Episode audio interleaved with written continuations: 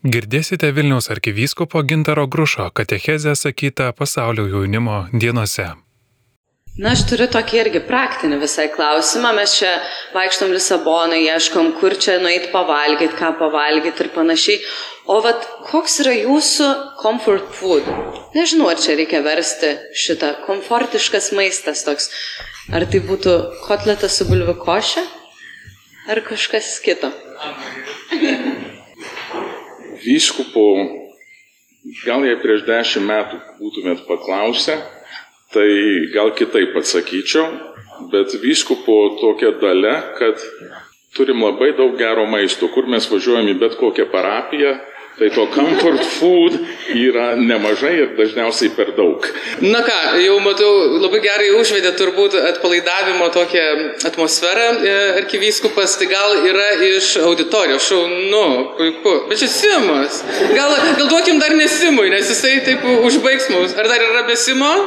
Aš čia kaip irgi mokytas to, totalus, pirmūnums neleidžiu atsakinėti. Yra? Nėra? Gerai, snieguolė. Aš norėjau paklausti, ką veikia jūs Lisabonoje laisvo laiku, kai jūs išeinate iš sustikimo.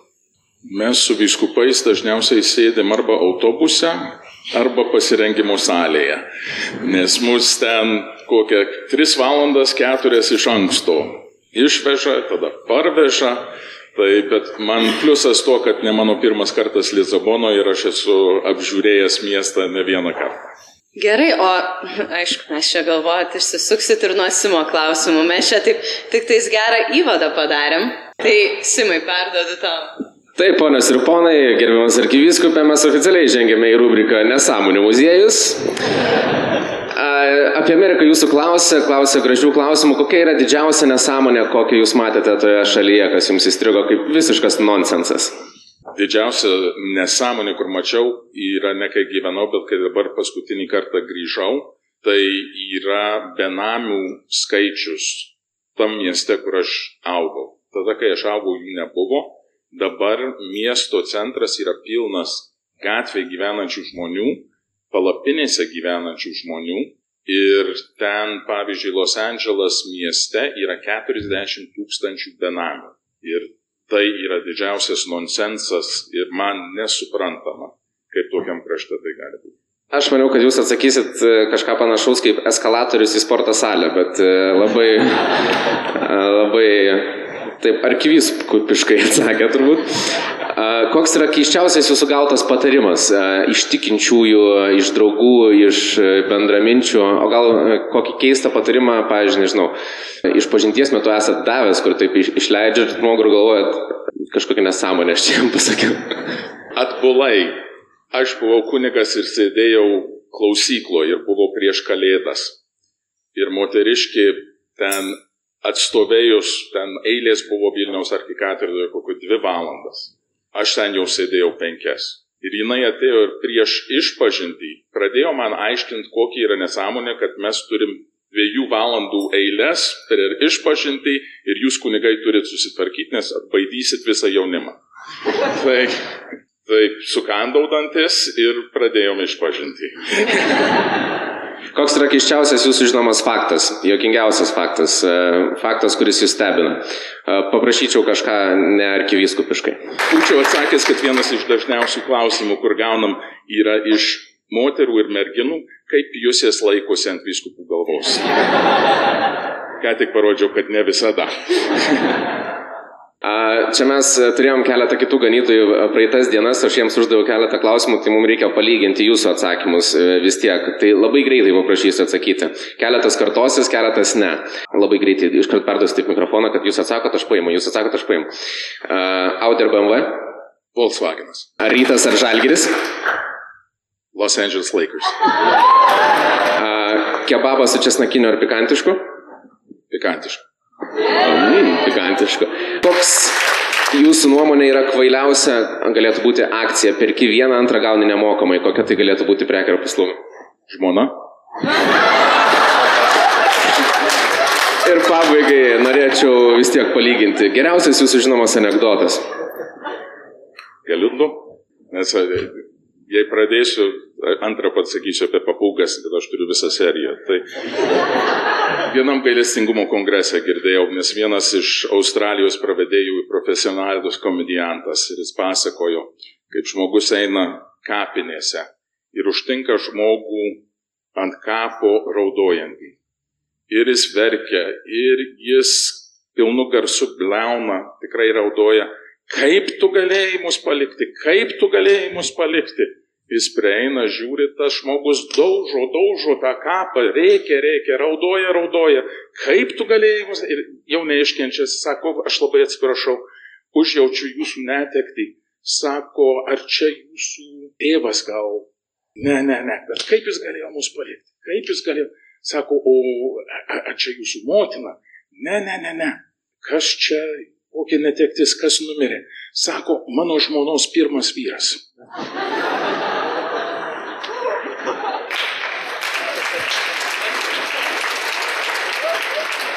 Ir yra visa, visa serija apie papūgas. Papūgų juokai mano toks hobis. Žmogus namuose laiko papūgą ir staiga jis gauna telefono sąskaitą. Sąskaita 10 tūkstančių eurų už mėnesį. Jis eina, skambina telefono kompanija, kaip čia gali būti, aš nesu namuose visą dieną, vienas gyvenu, sako tikrai, tikrai jūsų telefonas naudojamas ir tiek yra prikalbėta. Tai žmogus išeina į darbą sekančią dieną ir palaukia prie durų.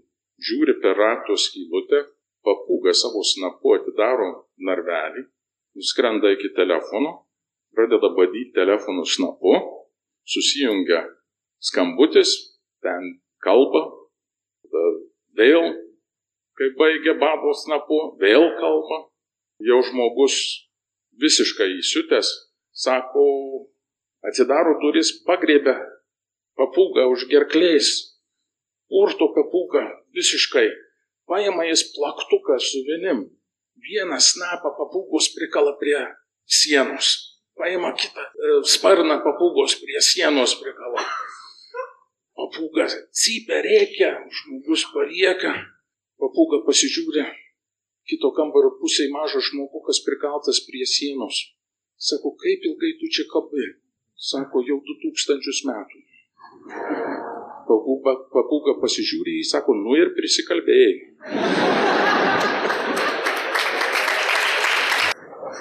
Kad iš tikrųjų neprisikalbėtume, gal iš tikrųjų didėkime prie e, šios dienos temos gailestingumo. Gerbėjai Jėzui Kristui. Dabar gal truputį rimčiau, bet gal ne tiek rimčiau, kiek jūs įsivaizduojat šią temą vienas iš klausimų, kur nepaklausė šiandien manęs apie mano prieš istoriją.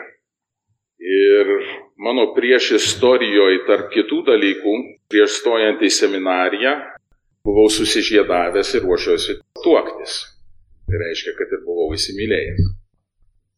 Aš pagarsėjau, man atrodo, ir čia gal net kai kurie iš kunigų, kur stojo į Vilniaus seminariją, kai buvau seminarijos rektorius prisimena ir gal jiems ir kliuvo. Pasižymėjau tuo, kad stojimo egzaminuose aš turėjau vieną klausimą, kur paklausiau kiekvieno stojančio vaikino. Ir buvo labai įtartinas jiems tas klausimas. Nes mano klausimas stojančio į seminariją vaikino visada buvo, ar buvai kada nors įsimylėjęs. Nu, sėdint prieš egzamino komisiją, žinai, kad per galvą eina, nu kaip man reikia šitą klausimą atsakyti. Ar pakenksiu savo, jei sakysiu, kad buvau įsimylėjęs. Bet kaip tik nepatyrus įsimylėjimų, labai sunku eiti dvasiniu keliu. Dabar. Čia mokytojas visą laiką klausė šiandien klausimų, tai aš pradėsiu. Kiek iš jūsų esate buvę įsimylėję? Gerai. Abu vyskupai pakėlė. Atsiprašau, visi trys. Tai yra svarbu. Būti įsimylėjusiam, turėti tą patirtį yra vienintelis būdas, kuriuo gali pažinti, kaip Dievas veikia ir kas jis yra. Kas atsitinka įsimylėjusiam žmogui? Žmogus nori kalbėti apie savo mylimąjį ar mylimąją. Jam užplaukia ir dalinasi. Žmogus nori būti šalia savo to artimo žmogaus. Reikia to artumo. Buvo vienas kartas apie tą kalbėjimą, kur draugavau, būdamas gimnazijoje, dar tais laikais, kai nebuvo mobilių telefonų. Ir buvo vienas telefonas namuose. Ir jei kalbi tuo telefonu, nieks kitas negali prisiskambinti. Ir su savo draugė kalbėjomės, ir kalbėjomės, ir kalbėjomės. Ir tada grįžo mano tėvas. Aš labai retai buvau matęs savo tėvą supykusi. Tai buvo vienas iš tų momentų. Jis buvo nuvežęs automobilį taisyti ir bandė prisiskambinti į savo namus, kad jį parvežtumėm. Aš telefonu kalbėjau dvi su pusę valandų. Labai nepatenkintas buvau, kai grįžo namo. Bet tai yra natūralus įsimylėjusių žmonių bruožas. Mes kalbamės. Mes norim būti su kitu, sužinoti. Ir mes prarandam laiko suvokimą. Gali kalbėtis, būti kartu, nesvarbu kiek. Kitas bruožas apie buvimą su žmogumi, kuris tave myli, yra sakoma, kad savo tikrąjį veidą, savo tikrąjį aš gali pamatyti tik mylimojo žmogaus akise ar žvilgsnėje. Įsižiūrėti į artimo akis tą patirtį mes pirmiausiai turim su savo motina. Nes mes atpažįstam save, matydami motino žvilgsnį. Mes tą patirtį kartojame su mylimajo žmogumi, bet ta pati patirtis yra mūsų patirtis su Dievu. Mes save matom po mylimojo asmens žvilgsnį. Ir mes save atpažįstam, kas mes iš tikrųjų esam tame žvilgsnėje. Šiandienos tema tai jo gailestingumą iš kartos į kartą. Tas gailestingumas iš tikrųjų kyla iš Marijos Magnificat giesmės yra labai graži giesmė, kurią mes kartojam kasdien valandų liturgijoje. Bet kai mes mokomės, mes apie ją galvojam, kad labai gražiai teologiškai sudėstyta malda. Įsiklausykite ją kitų žvilgsnių. Tai yra jaunos įsimylėjusios paauglės kalbėjimas apie savo mylimąjį. Mano siela šlovina viešpatį, mano dvasia džiaugiasi Dievu savo gelbėtoju, nes jis pažvelgė į savo nuolankę tarnaitę. Tai yra mergina, kuri gavo meilės žvilgsnį ir meilės patirtį iš ją mylinčio Dievo. Ir jinai natūraliai į tą reaguoja. Į tą nori dalintis. Ir dalinasi su Elsbieta. Dievas mane myli. Aš esu mylima. Dievas pažvelgia į mane. Štai nuo dabar palaiminta mane vadins visos kartos, nes didžių dalykų padarė man viešpats ir šventas yra jo vardas. Visi matys, kokia aš esu laiminga. Palaiminta reiškia laiminga. Ar nesimato ant kito žmogaus, kai jis yra mylimas? Mes sakom, kad jis ar jinai švyti.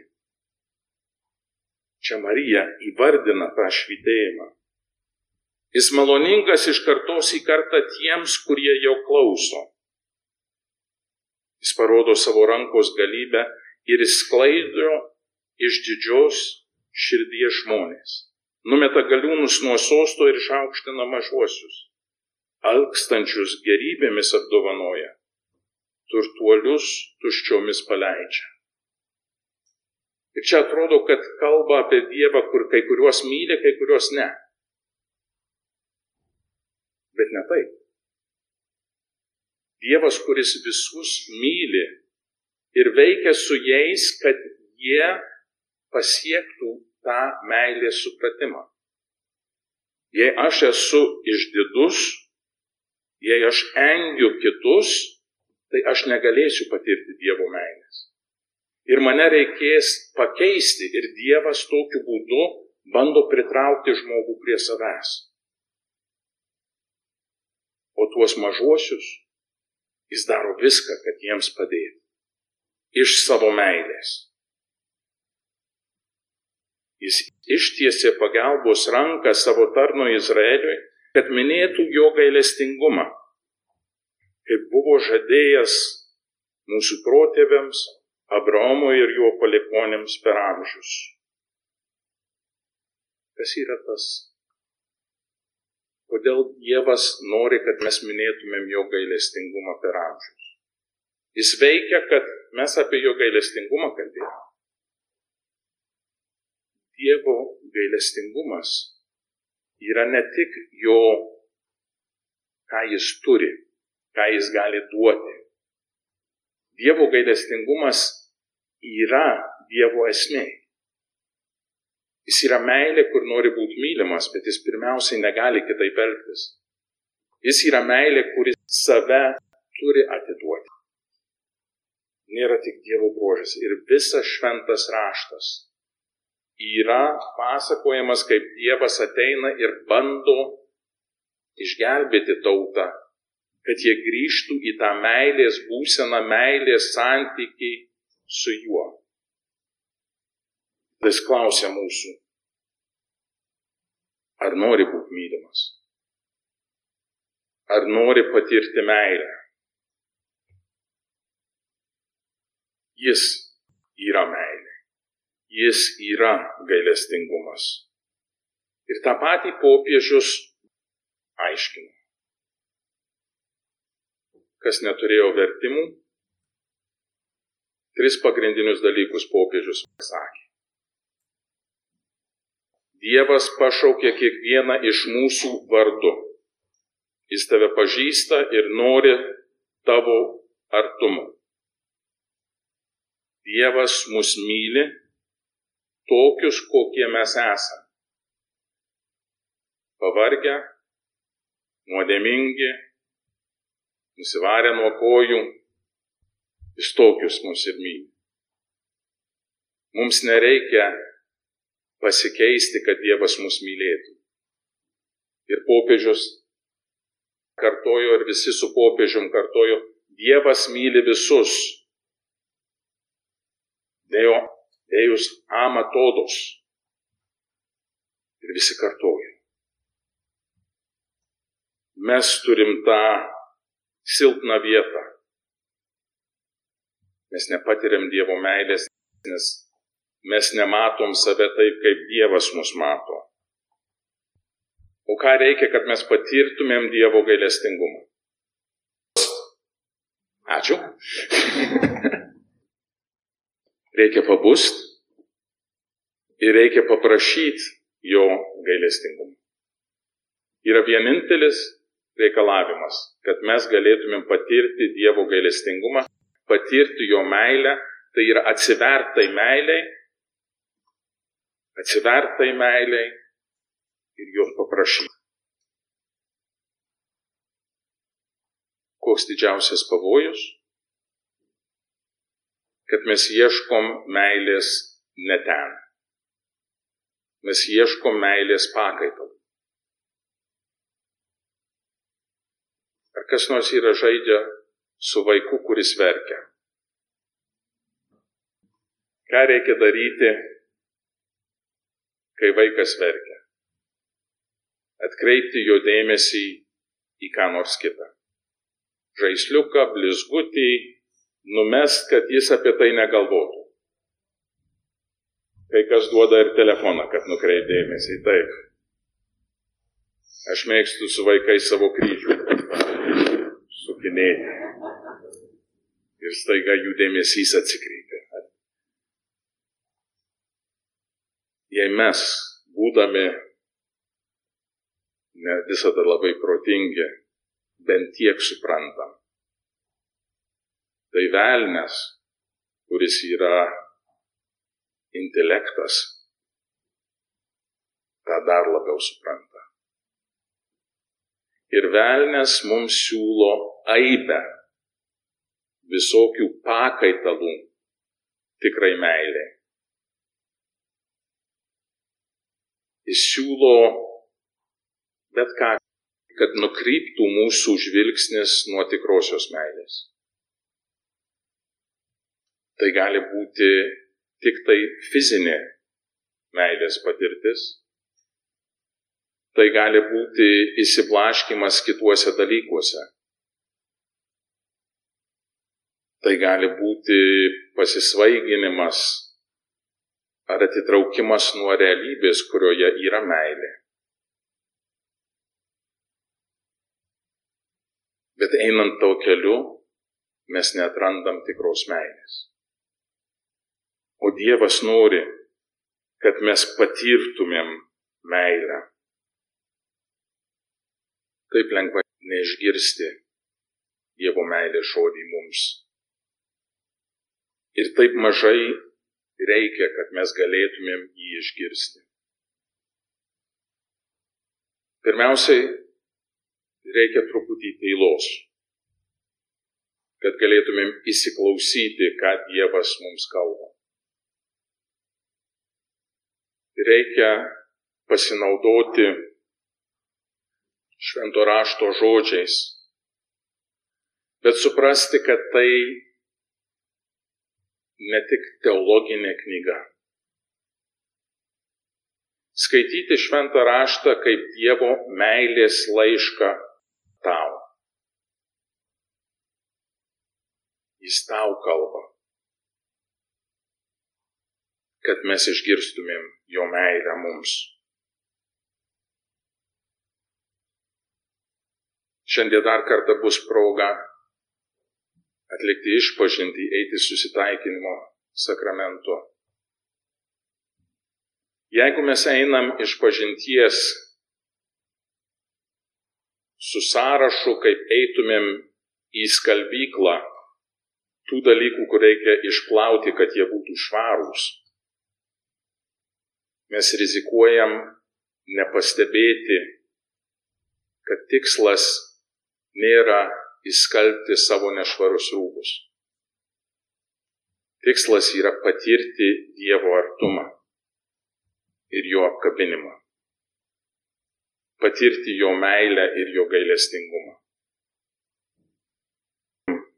Patirti Dievo artumą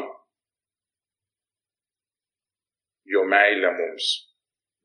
Tai eucharistinė adoracija yra tas kelias. Kaip tik yra Arso klebono kunigo vienė, viena šventė.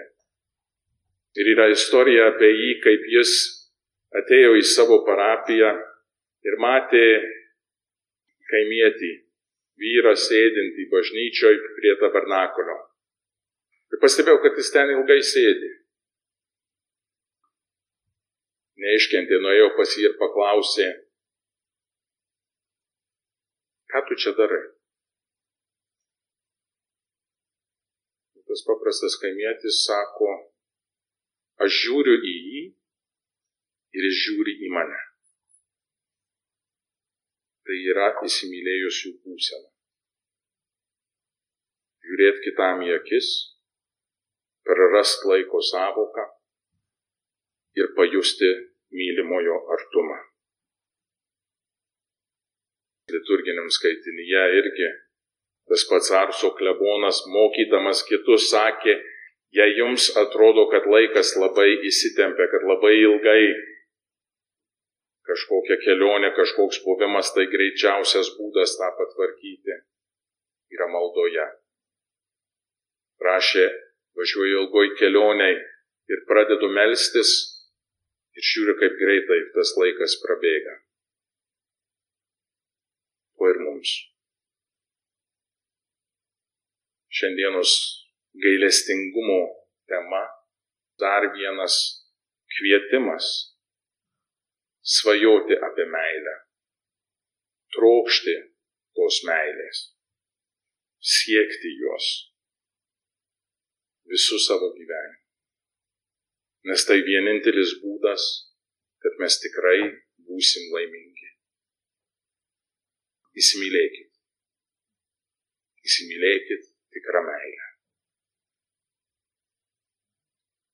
Šiandienos tolimesnėje programoje bus proga adoracijai, pabūti su viešpačiu, pakalbėti, patirti jo artumą.